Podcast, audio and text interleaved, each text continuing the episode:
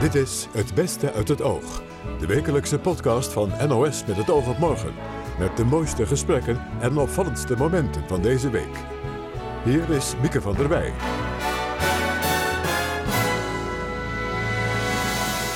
Hartelijk welkom bij de podcast van deze week. Ja, we hebben weer een paar mooie gesprekken geselecteerd. Kunsthistoricus Wieteke van Zijl gaat ons regelmatig bijpraten over ontwikkelingen in de kunst. En waar gaat ze voor ons op letten? Ik hou er zelf erg van om te kijken naar uh, actualiteit en kunst. Omdat goede kunst is altijd actueel, ook al is het 400 jaar oud. En het geeft soms wat context aan wat we nu in de, in de, in de snelheid uh, van het nieuws meemaken. En we vroegen filmmaker Martin Koolhoven waar zijn liefde voor film vandaan komt. Zijn eerste bioscoopbezoek kan hij zich nog goed herinneren. Het werd mij verteld als zijnde dat eh, dan ga je en er is een soort hele grote televisie. Dus ik, ik stelde me echt iets met allemaal knoppen voor en zo. Maar eerst, een emotionele oproep van een Amsterdamse wijkagent op Facebook is veel gedeeld. De politieman schrijft dat hij zich ernstig zorgen maakt over het wapenbezit onder jongeren. Soms nog kinderen van 11 of 12. De afgelopen maanden vonden opvallend veel steekincidenten met minderjarige verdachten plaats.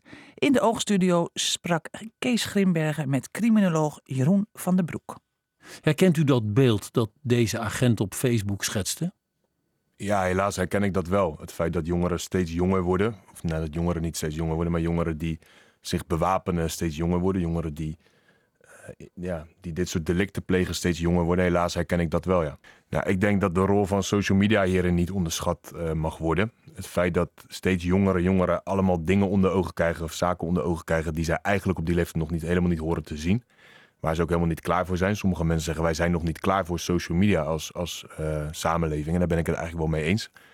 We zien jongeren die uh, ongefilterd, dus zonder tussenkomst van professionals, van ouders, zaken zien die nogmaals niet bedoeld zijn voor de ogen van 12-jarigen. En die dat ook nog eens gaan kopiëren dan. Nou ja, precies. Het gedrag wat ze zien met messen, soms met vuurwapens. Ja.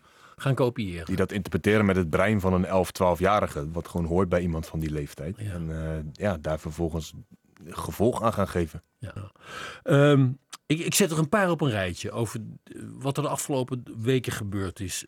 Een 16-jarige jongen steekt in Hoofddorp bij een geldautomaat een man dood, vlak voor kerst. Ook voor, kort voor kerst in Drachten. Rohan van 16 wordt doodgestoken. Twee verdachten zijn 14 en 15.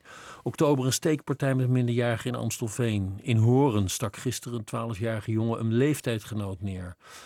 In Breda afgelopen tijd meerdere steekpartijen met minderjarige daders en slachtoffers. Megan van 15, een meisje, overlijdt. En de lijst is nog veel langer. Ja. Hoe verklaart u de opleving van dat minderjarige harde geweld? Ik denk dat het past in een trend van de verharding van de hele samenleving aan zich. Dus een verharding van criminaliteit in bredere zin. Uh, en nogmaals, ik denk echt dat, dat social media daar een belangrijke rol in spelen. Dus het feit dat jongeren op een dusdanige, dusdanig jonge leeftijd al in aanraking komen met allemaal. Nou, ik moet voorzichtig zijn met hoe ik dat op de radio zeg, maar met allemaal uh, zaken die je, die je niet wil dat kinderen zien op die leeftijd. Um, daarnaast ja, kan ik me ook niet aan de indruk onttrekken dat, uh, dat, dat, uh, het ouderlijk gezag of het ouderlijk toezicht in veel gevallen ontbreekt of niet, niet adequaat is in dit soort gevallen. Dus als jongeren dan dit soort signalen dit soort impulsen op zich krijgen afgevuurd via social media, via videoclips op straat, dat daar eigenlijk niemand is die tegen ze zegt: jongen, dat is niet normaal. Het is niet normaal met een machete van een halve meter over straat te lopen. Het is niet nodig om je te bewapenen, hoe erg je dat ook wijsgemaakt wordt door anderen de wapens die afgelopen dagen in beslag zijn genomen bij de, door de Amsterdamse en uh, buitenvelderse wijkpolitie. Hè? Uh, heeft u die foto's gezien van die wapens? Ja, ik heb ze gezien. Ik heb het artikel niet helemaal gelezen, moet ik eerlijk zeggen, maar ik heb de foto's gezien. Foto's gezien. Wat moet je vinden van die steekwapens die dus ruimschoots voorradig zijn bij uh, 12 tot 16-jarigen? Ja, zeer zorgelijk. Um, wat ik, ja, het lastige met, met messen is dat ze niet verboden zijn. Dat je een mes uit de keukenla bij je moeder kunt pakken. Dat je is een het... machete ook niet verboden? Nee, niet per se. Je kunt, het bezit daarvan is niet verboden. Als je het op bepaalde plekken bij je hebt, kun je daar een boete voor krijgen. Kan het afgepakt worden. In sommige gebieden in Rotterdam bijvoorbeeld is nu met de officier van justitie besproken dat mensen ook opgepakt kunnen worden. Maar dat is eigenlijk uitzonderlijk. Normaal gesproken krijg je daar een boete voor en wordt je machete ingenomen. En jongeren weten dat ook. Dat is ook een straatwaarheid die onderling uh, prevaleert. Ja, je kunt dat mes bij je dragen. Want het ergste wat kan gebeuren is dat het wordt afgepakt en je krijgt een boete. Ja. De straatwaarheid, de straatwerkelijkheid van dit moment is dat in bepaalde subculturen van jongeren eh, messen, grote messen, niet alleen maar vlindermesjes en zakmesjes, maar echte grote messen Ja. op grote schaal voorradig zijn. Zeker. En dat ze elkaar Maar- dus ook wijsmaken dat als jij je onveilig voelt... In de eerste plaats wordt gezegd, het is onveilig in deze buurt. Je moet hier je wel bewapenen. En eh, ja, zij zien in, in zo groot mogelijke wapens daar een oplossing voor. En ik denk dat wij dat onveiligheidsgevoel... dat er daadwerkelijk leeft onder jongeren heel serieus moeten nemen. Maar dat wij ze wel moeten leren dat het bij het dragen van een mes... absoluut niet de oplossing is. Sterker nog, dat dat ja, alleen maar onveiliger maakt. En Maar dat is niet hun redenering. Hun Nee. redenering is: ik weet dat er gevaar is. Als ik mij bewapen, kan ik mij verdedigen tegen het gevaar. ik ga me niet en laten zo pakken. wordt het mes aangeschaft. Precies. Dat is de redenering. Dat is een van de redeneringen. Ik ga me niet laten pakken door een groep. Als ik tegenover een groep kom te staan Ja. die, iets, die, die mij iets wil aandoen en daarvan heeft iemand een mes bij zich, is de enige manier waarop ik me kan verdedigen, is met een mes. En wat ik zie is dat binnen de, de Nederlandse context eigenlijk in eerste instantie heel veel uiterlijke verschijningsvormen zijn overgenomen uit het buitenland. Dus als je de videoclips bijvoorbeeld ziet, Amerikaanse videoclip. ja, met name UK eigenlijk, dus eh Verenigd ja. Koninkrijk. Dan zijn ze eigenlijk niet te onderscheiden van de Engelse varianten. Je ziet alleen dat eh, waar dat eerst uiterlijke verschijningsvormen betrof, op het moment dat jongeren daadwerkelijk het gevoel krijgen dat ze onveilig zijn, gaat dat leiden tot echte incidenten, echte messen, echte slachtoffers. Omdat jongeren het gevoel hebben dat ze, nou, die wapenwetloop waar we het eerder over hadden, er ontstaat een wapenwetloop omdat jongeren het gevoel hebben dat ze, als de ander dat mes bij zich heeft, dat zij dat ook bij zich moeten dragen. Dat is, dat is deel 1. Deel 2 is denk ik ook stoerdoenerij. Eh, Het feit dat jongeren het heel stoer... Toedoenerij met een spelelement ook. Nou ja, zeker weten. Want in Engeland hebben we ehm, situaties gehad waar jongeren een soort puntensysteem hanteren. Als je iemand in de borst stak, was dat meer punten waard dan dat je iemand in het been stak. En er werden scores bijgehouden. En ik heb ook in Nederland al van dat soort voorbeelden gehoord. Eh, dat jongeren de score bijhouden van het aantal mensen dat, dat zij gestoken hebben. De agent eh, eh, meldt vandaag in zijn Facebook-post: bespreek dit, kom in actie.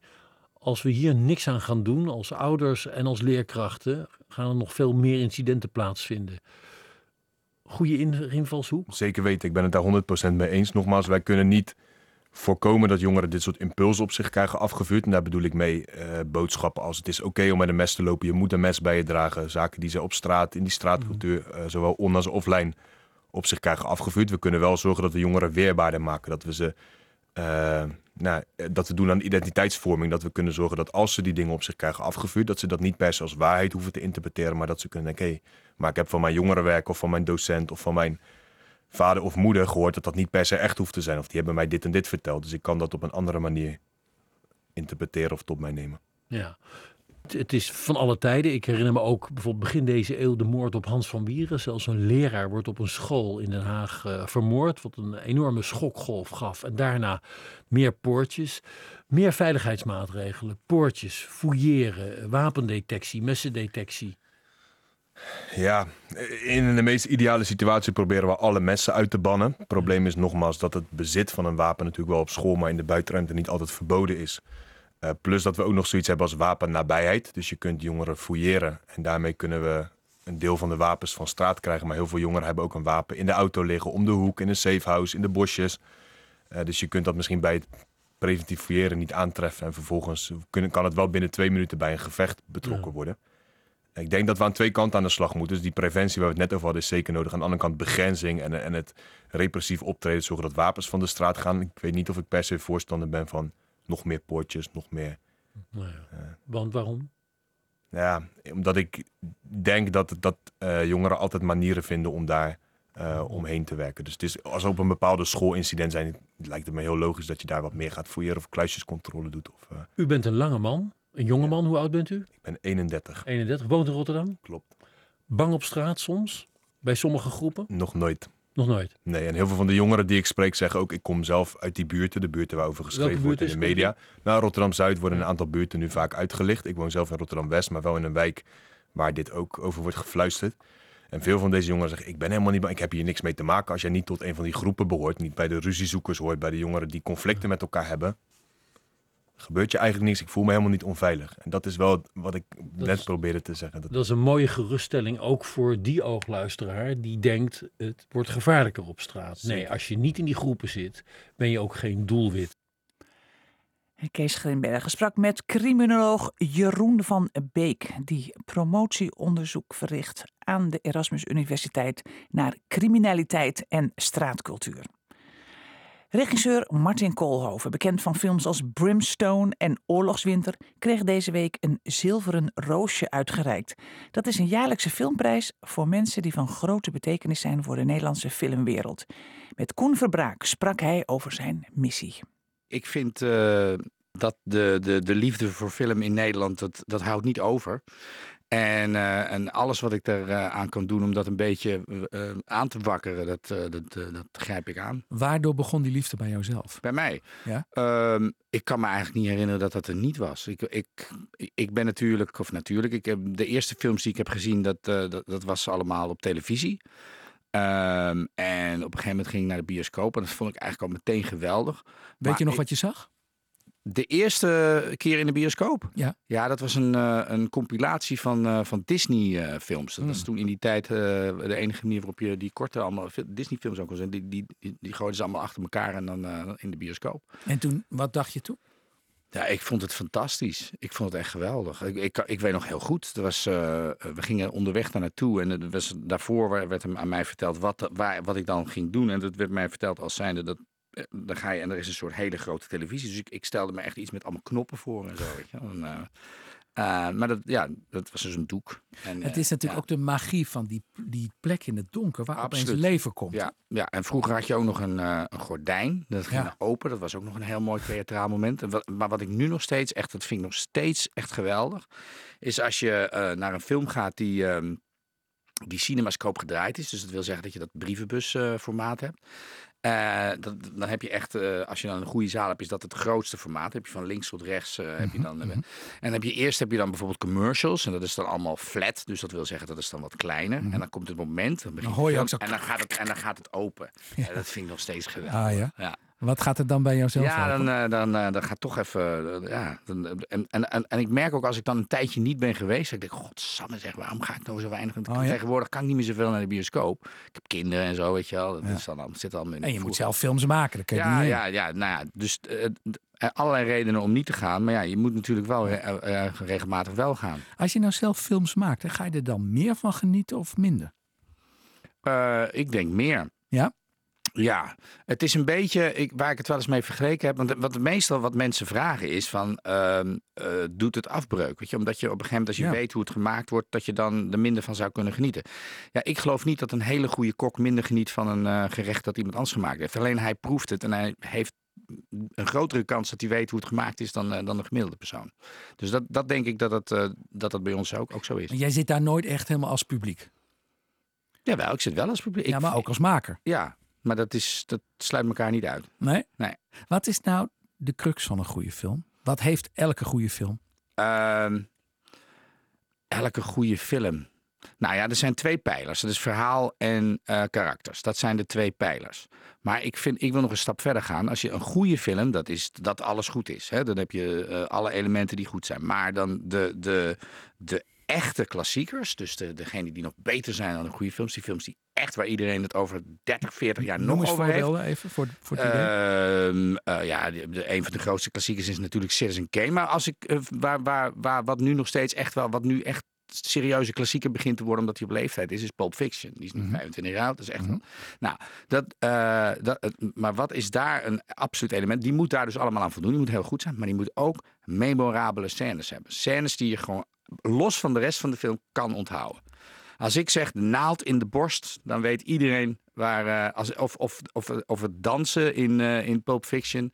Weet iedereen wel, die die film heeft gezien welke scène ik bedoel. Dus iconische momenten. Absoluut. Ja? Ja. En, en die bepalen ook de kracht van zo'n Die, klassieker. be- die bepalen eh, hoe blijvend eh, zo'n film eh, is. Hoe, hoe, hoe lange benen die heeft. Ja. Ja. In Filmmuseum AI presenteer je maandelijks een avond waarin je vertelt over wat jou fascineert in, Ja. de, in de filmwereld. Hè. Ben je dan, sta je daar als liefhebber of als vakman? Als liefhebber. Ja? Ja, nou ja, nee, ook als vakman. Want ik, ik, ik heb het over eh, dingen waar ik hopelijk iets meer verstand van heb dan andere mensen. ja. En wat zijn nou de mooiste films om over te praten? Ehm, Nou, op zo'n avond vind ik het ook heel leuk om dan, als je dan een, een hele goede film laat zien. Want ik laat ook wel eens films zien die ik op, de, op een of andere manier interessant vind of belangrijk vind, die niet per se heel goed zijn. Uh, maar als het een hele goede film is, dan vind ik het leuk om um, daarvoor ook films te laten zien die niet per se heel goed zijn, die ook heel grappig zijn of rare dingen in gebeuren. En andersom. Dus als het, uh, als het een film is die, uh, die, ja, waar ook wel wat op aan te merken is, maar die op een of andere manier heel interessant is, ja, dan, dan, ga je, dan, dan heb je het over andere films in hetzelfde genre die wel goed zijn. Ja. ja. En wat vind je daar zo, zo mooi aan om dat aan anderen te vertellen? Nou ja, er zit, er zit iets... Is dat een beetje discipelachtig? Ja, denk het wel. Ik denk een beetje een dominee ben. Ja? En ik praat graag. Dat, uh, dat kan ik niet meer ontkennen. uh, en ja, ik, ik, wat ik, wat ik, na het, het, het, ik, ha, ik wil graag dat mensen in Nederland meer van film gaan houden. En ook nog specifiek van genrefilm. Want wij houden niet ja. genoeg van film. Nee, klopt. Ik, ik, ik, ik, ik had vorig jaar Kumel? Harry Kumel, de oude leraar van me. En dat is een Belg. Die gaf vroeger op de filmacademie mijn les. En die zei, toen ik hem vorig jaar zag, zei Martin, je zit, je, je zit wel in de woestijn hè, daar in dat Nederland. En uh, uh, dat, is, dat is wel. Het begint beter te worden. We hebben ja. altijd. Uh, maar Martin, af, afgelopen jaar hadden de Nederlandse bioscopen een record aantal bezoekers. Ja, dat wou ik zeggen. Want dat ja. is dat. Het, het, hè, en terwijl het de rest van de wereld begint het een beetje terug te lopen. Bij ons, wij zijn een enorme inslag aan het een inhaalslag aan het, aan het maken. maken. Ja. En kijken wij dan graag naar Nederlandse films of liefst naar dingen die uit het buitenland komen? Nou, um, als je het nu specifiek de laatste paar jaar kijkt, dan gaat het ietsje minder goed met de Nederlandse films uh, qua marktaandeel. Maar uh, uh, de jaren daarvoor deden wij het best wel goed. Ja. Gaan wij binnenkort weer een mooi project van jou zien? Dat hoop ik wel. Uh, kijk, ik bedoel, ik ga het komende jaar komt weer. Ten eerste komt Kijk van Koolhoven in, in februari weer. Ik ga ook weer. Ik ga ook in het theater staan. Maar ah. ehm, ja, maar dat doe ik ook. Wat dus ga je daar doen? Uh, nou, ik heb het afgelopen jaar al uh, ja? flink aan. Nou, dan heb ik het ook over film. Dus dan, uh, dan ga ik uitleggen hoe film werkt volgens mij. En wanneer zien we weer dat, dat gordijn opzij gaan voor een mooie nou, Dit jaar moet ik dat scenario waar ik al een tijdje mee bezig ben, moet dat afkomen. En dan hoop ik het jaar daarna te kunnen draaien. Wat is dat voor film? Dat is een, een film die speelt zich af. Nou, ik moet eerst zeggen, het is een thriller, een misdaadthriller. Want anders hebben mensen een verkeerde verwachting. Mm -hmm. Een soort noir, een film noir achter, maar dan moderner. Uh, maar het speelt zich af in 1946 uh, in Indonesië. Aha. Dus uh, dat is de setting. En daar, daar, ben, daar ben je nu aan het voorbereiden en volgend jaar kunnen we hem zien? Nou, zien? Nou ja, dat zou mooi zijn, maar ik denk dat het nog het jaar daarna zien. Hou de filmladder van 2022 dus in de gaten. Lange tijd was de steenmarter uitgestorven in Nederland, maar het dier is terug en wordt zelfs beschermd. En daar is niet iedereen blij mee. De marter kan voor schade en overlast zorgen. De provincie Friesland gaat nu onderzoeken of dat knaagdier toch te bestrijden is. Marcia Luiten sprak met bioloog Jaap Mulder en vroeg hem eerst maar eens hoe zo'n steenmarter eruit ziet.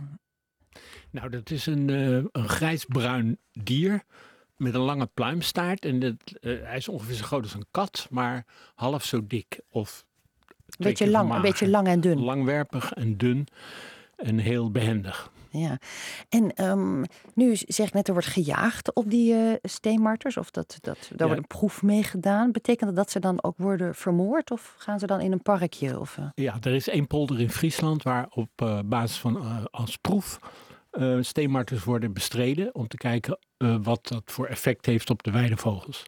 En ze worden dan inderdaad gevangen en gedood. Want dat is het grootste kwaad dat ze aanrichten, dat ze weidevogels de, de eieren opeten? Um, nou ja, dat hoort natuurlijk bij het normale gedrag van het dier. Dus ik zou dat geen kwaad willen noemen. Um, uh, kijk, het is een soort achterhoedegevecht om de laatste weidevogels nog een beetje te beschermen. Want we hebben natuurlijk met z'n allen door de ontwikkelingen in de landbouw de weidevogels het leven ontzettend zuur gemaakt. Ze zijn ontzettend achteruit gegaan en ze gaan nog steeds achteruit. Doordat we van het boerenland geen uh, insectenrijke uh, graslanden uh, hebben gemaakt, maar juist een soort woestijn met één soort gras waar geen insecten meer in voorkomen. En dan zijn er op een paar plekken zijn er nog weidevogels. Ja, en dan krijg je natuurlijk de neiging om dan ook de dieren die weidevogels eten, om die dan te gaan bestrijden. Om... Maar het is een soort achterhoedegevecht. Uh, als we niks doen aan uh, een om, uh, ombouw van de landbouw, terug naar biodiverse, rijke graslanden, weilanden, dan zijn de weidevogels eigenlijk gedoemd om uit te sterven. Ja, want met dat argument worden volgens mij meer dieren dan alleen maar steenmarters bestreden. in mijn omgeving zijn alle bomen gekapt, ook om de weidevogels te beschermen, omdat er buizerds in die bomen zouden nesten. Ja. Um, en nu is er een proef gedaan met het jagen op die steenmarters. En na het vangen van 19 marters brachten de weidevogels meer jongen groot. Dat lijkt toch een succes? Ja, ja, ja zeker. Dat is zeker een, eh, een, een succes. En ik ben er ook niet helemaal tegen. Eh, met een beetje pijn in mijn hart uh, vind ik dat wel goed, maar... Pijn in het hart, want die steenmarter die...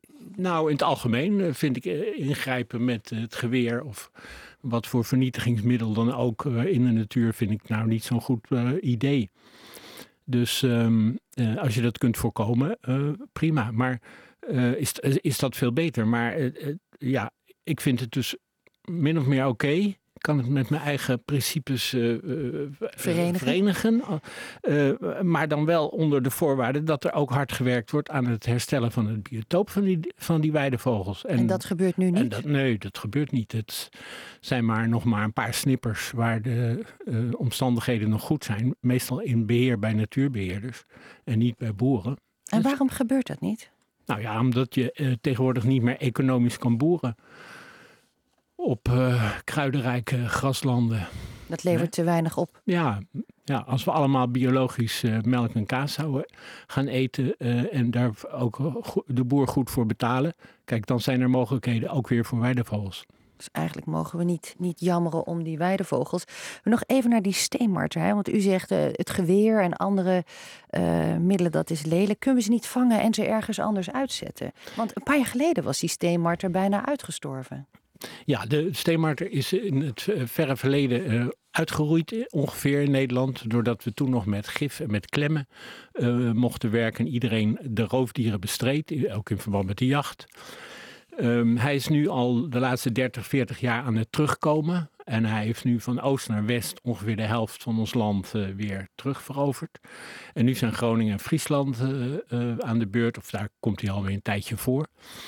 En uh, we, zullen, we moeten daar weer een beetje aan wennen als uh, mensen om uh, samen te leven met die steenmarters. Want waarom verdragen wij die steenmarters zo slecht, los van de weidevogels, maar wij mensen?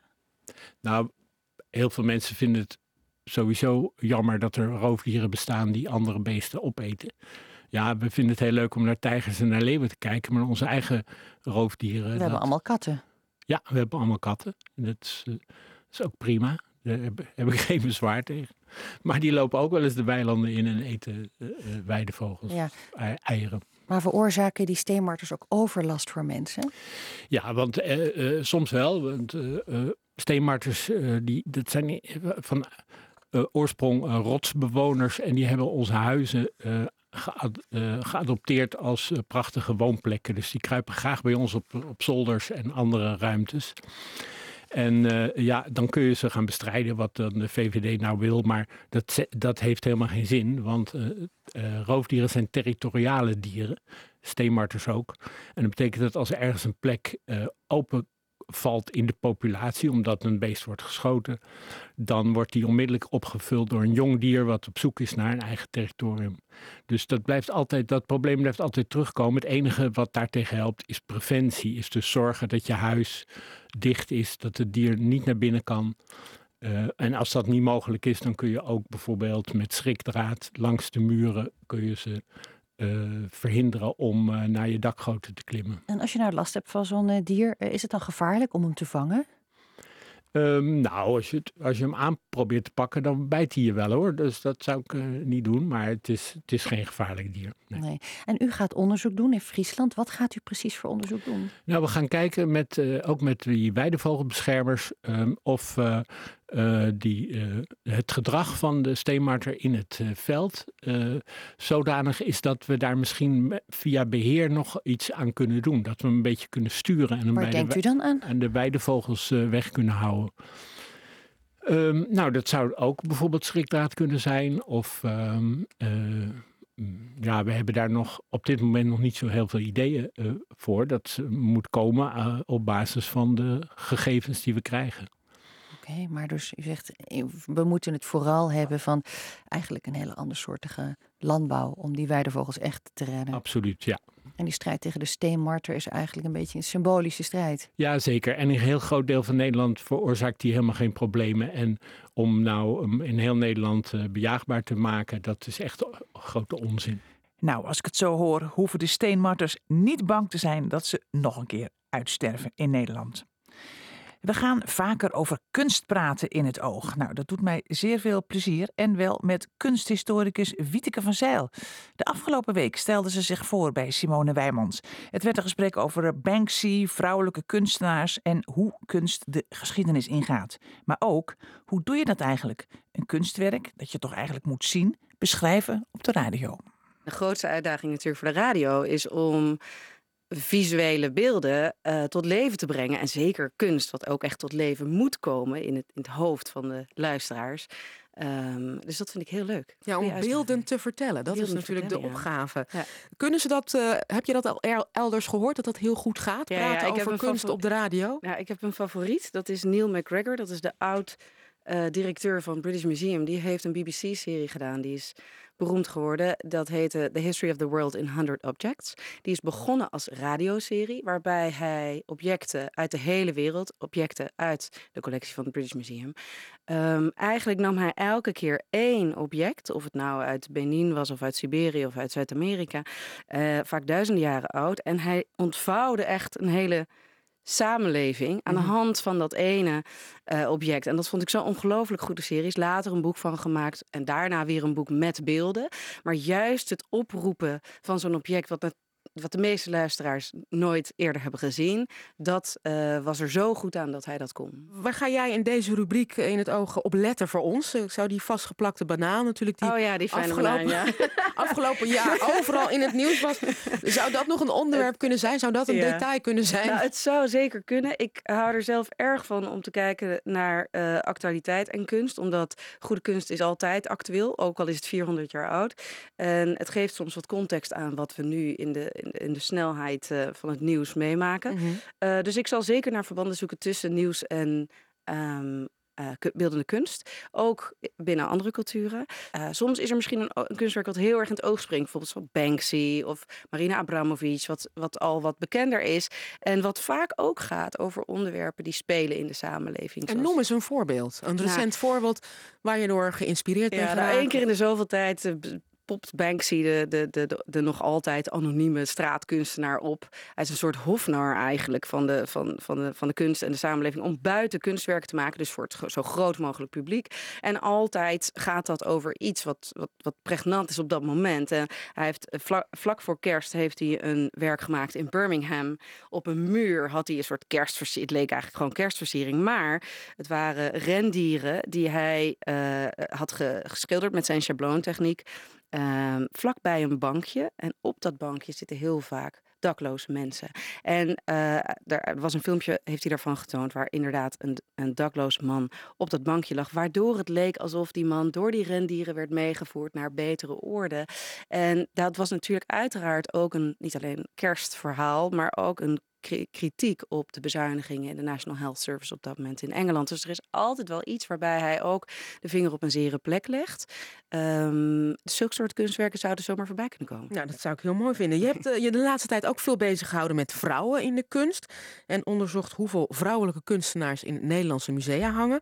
Waarom wilde je dat? Ja, uh, omdat ik, ik heb uh, kunstgeschiedenis gestudeerd in de jaren negentig daar heb ik heel weinig geleerd over vrouwelijke kunstenaars. Het was voor mij een gegeven dat die er nou eenmaal niet waren. En dat bleek helemaal niet zo te zijn. En gaandeweg tijdens mijn werk, als ik in musea loop, kwam ik af en toe een kunstwerk tegen. En als je wat meer kunst ziet, dan heb je ook wat meer vertrouwen dat je wat je ziet weet of het goed is. En soms stond ik voor een werk en denk ik, hoe, hoe is het mogelijk dat ik deze kunstenaar niet ken?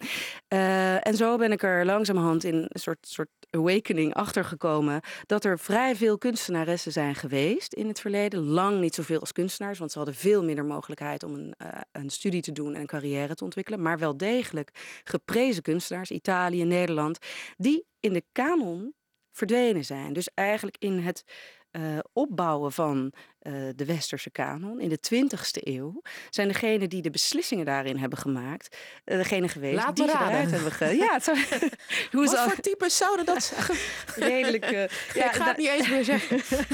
ja. ja, degene die aan tafel zaten en besloten of een kunstenaar relevant genoeg was. En de, ik wilde daar een stuk over schrijven, dat heb ik gedaan afgelopen weekend, met de vraag van gaan we nou eindelijk ooit eens van vrouwelijke kunstenaars houden? Want 50 jaar geleden is dit ook al een onderwerp geweest. 400 jaar geleden werden kunstenaars al gewaardeerd. Hoe kan het dat het steeds weer wegzakt? Maar hoe kan het? Nou, er zijn, ik denk dat het voor een deel komt omdat er nog steeds onbewuste vooroordelen zijn. Daar zijn bekende uh, onderzoeken in Harvard over hoe wij uh, naar uh, vrouwen kijken. En dat mannen en vrouwen bijvoorbeeld de prestaties van mannen anders waarderen. Dezelfde prestaties als van vrouwen. Dat, en dat geldt dus ook in de kunstwereld. Ja, daar is dus ook onderzoek naar gedaan. Maar hoe wordt er dan kunst. anders gekeken naar vrouwelijke kunstenaars? Nou, ze, ze, hebben onderzoek gedaan waarbij ze een heel aantal kunstwerken willekeurige namen aan hebben gehangen. Van mannelijke kunstenaars en van vrouwelijke kunstenaars. hebben ze een grote groep mannen en vrouwen gevraagd om hun waardering daarover uit te spreken. En daar waren de verschillen gigantisch in de waardering voor kunstwerken waarvan men dacht dat het door mannen was gemaakt. En waarvan men dacht dat het door vrouwen. Dus er is nog altijd iets in onze blik mhm. waarbij we toch het werk van vrouwen anders eh, beoordelen dan van mannen. En het is natuurlijk ook zo dat ons idee van de geniale kunstenaar, de grote kunstenaar, wij denken dan aan een Michelangelo, aan iemand die dag en nacht. Zwoegt en die een enorme grote mond tegen de paus heeft. En dat, dat strookt niet met ons idee van van een vrouw. Dus voordat wij ons, net zoals bij vrouwelijke leiders in de politiek, we hebben een beeld van een witte man voor ogen. En voordat we eraan kunnen wennen dat een 34-jarige vrouw premier is, moeten we even een soort switch maken in ons hoofd. Nou, dat, zo werkt dat dus blijkbaar, blijkt uit onderzoek, ook in de kunstwereld. Je hebt daar dus een artikel over geschreven en er kwamen flink wat reacties. Ook mensen die het echt totale onzin vonden, het hele onderwerp. Wat zeiden ze? Was je daar verbaasd nou over, over? Nee, was ik niet verbaasd over. Want zodra je het woord quotum laat vallen, dan, gaan mensen heel sceptisch worden. En dan komt er hier en daar een boze tweet uit, eh, uit de verwachte hoeken. En dat beschouw ik uh, denk ik alleen maar als, uh, als compliment. Maar ik heb, wat ik heb willen doen is een klein onderzoek, maar wel een onderzoek wat, wat toch wel weer iets, iets laat zien. Dus ik heb 28 museumdirecteuren van musea met kunstcollecties in Nederland gevraagd. Um, of zij de percentages weten van werk van vrouwelijke kunstenaars in hun collectie. Of ze ook de percentages weten van werk van vrouwelijke kunstenaars op zaal. Want dat is een verschil. Dat kan een keuze zijn. Als je heel mhm. weinig in collectie hebt, kan je toch meer op zaal laten zien. En ik heb ze gevraagd naar beleid. En uh, in dat, uit dat beleid, die beleidsvraag bleek dat er drie musea in Nederland zijn die harde quota hanteren. Inderdaad, in een poging om iets betere balans tussen mannen, werk van mannen en werk van vrouwen te hebben. In Welke bijvoorbeeld? Um, het eerste museum dat reageerde was het Van Abbe Museum, geleid door Charles Esche. Uh, hij had al een uh, een quotum. Namelijk, uh, hij wilde de helft van de kunstwerken die hij aankoopt, moest van vrouwen zijn. Maar vorig jaar heeft, was hij, bleek hij daar toch niet tevreden genoeg over te zijn. Want vrouwen zijn goedkoper op de markt dan mannen. Het kunst. Uh, dus hij heeft gewoon gezegd: het, weer een is hele genoeg. Ja.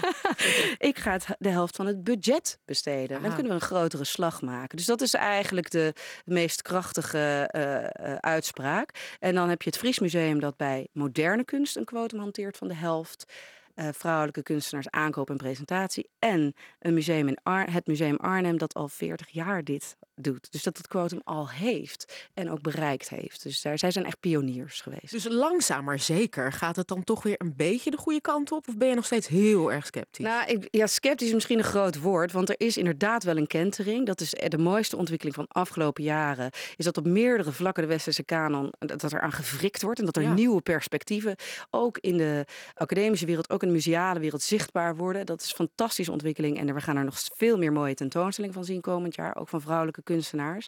Maar er valt nog veel te doen. Want met name als we het hebben over die oude kunstenaars, het zijn de musea van oude kunst, die het wat moeilijker vinden om die uh, kunsten te, aan te kopen of te tonen. En ik denk dat als daar niet afspraken over worden gemaakt, dat als je een thematische tentoonstelling hebt, dat je je best doet om begin met 5% vrouwelijke kunstenaars. Als niet iemand aan tafel daaraan denkt, dan vergeet je het makkelijk en dan komen de vrouwen niet in de musea. En ook voor onze politieke columnist Patrick Nederkoorn is het nieuwe jaar begonnen. Patrick Nederkoorn. Ja, goedenavond en een heel mooi 2020 gewenst. Of 2020, zo u wilt. Of 2020. Nou, kijk maar. Ik wil beginnen met de brandende vraag: wat wordt dit voor politiek jaar? 2021 wordt het grote verkiezingsjaar. Ja? En 2020 wordt één grote aanloop daar naartoe.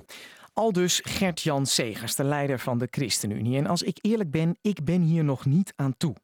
En na de verkiezingen van 2017 volgde eerst een ellenlange formatie. En na het inwerkjaar 2018 kon er vorig jaar eindelijk geregeerd worden. Maar na alle protesten en onverwachte zaken werd er vooral gereageerd. En dan krijgen we nu alweer de grote aanloop naar de verkiezingen. Zou het een idee zijn om voortaan eens per acht jaar verkiezingen te houden of eens per twintig? En zouden we de ministers niet anders kunnen verdelen in een groepje ministers uh, van de korte en een groepje ministers voor de lange termijn? Als dit hele jaar in het teken staat van de verkiezingen in 2021 of 2021, wat u wil, dan weet ik al hoe de meeste politieke interviews zullen gaan. Maar bent u er al uit nu? Of, nee, u, u heeft tijdens de kerstdagen nagedacht? Maar... Nee, nee, nee, nee, nee, niet hierover. Uh, dus dat doe ik van de zomer. Dan ja. moet ik besluiten of ik door wil. Op dit moment overweeg ik of ik mij kandidaat wil stellen voor het leiderschap. Wij gaan uh, deze vraag nog met elkaar bespreken tot tenminste de zomervakantie van dit jaar, denk ik. En ik kan nog meer voorspellingen doen over dit aanloopjaar. De start van de parlementaire enquête over Groningen wordt over de verkiezingen heen geteeld, net als de keuze voor een vuurwerkverbod. Er gaan zich bij Forum voor Democratie en 50PLUS oude politieke avonturiers melden. Ik waarschuw vast even voor Henk Bleker en Gonnie van Oudenalle. Alle actievoerders op het Malieveld worden dit jaar doodgeknuffeld. Ik verwacht demonstraties van hoveniers, klinieclowns en keurslagers. En er wordt de komende tijd vast weer een nieuwe partij gepresenteerd van Hero Brinkman. Wat mij betreft is de grote vraag dit jaar: hoe gaan we het niet over die verkiezingen van 2021 hebben? En toen hoorde ik dit. Er is een Amerikaanse onderzoeker heeft ooit het geheugen van uh, de kiezer onderzocht. Het geheugen van de gemiddelde kiezer is zes tot acht weken. Zes tot acht weken, maar dat is, ja, dat is fantastisch. wij als kiezers, wij moeten gewoon framen dat wij een geheugen hebben van zes tot acht weken, zodat politici zich tot twee maanden voor de verkiezingen gewoon op de inhoud van hun werk richten. En in de tussentijd laten wij zien dat die Amerikaanse onderzoeker natuurlijk helemaal geen gelijk heeft. Nee, wij nemen een heel voorjaar om na te denken, een hele zomervakantie om te overwegen en een heel najaar om in alle rust te besluiten welke politicus op basis van die inhoud in het voorjaar van 2021 onze stem krijgt. Ik wens u een weloverwogen nieuwjaar toe. Nou, een weloverwogen nieuwjaar. We gaan het zien. Uh, dit was het weer voor deze week. Dankjewel voor het luisteren. Dag.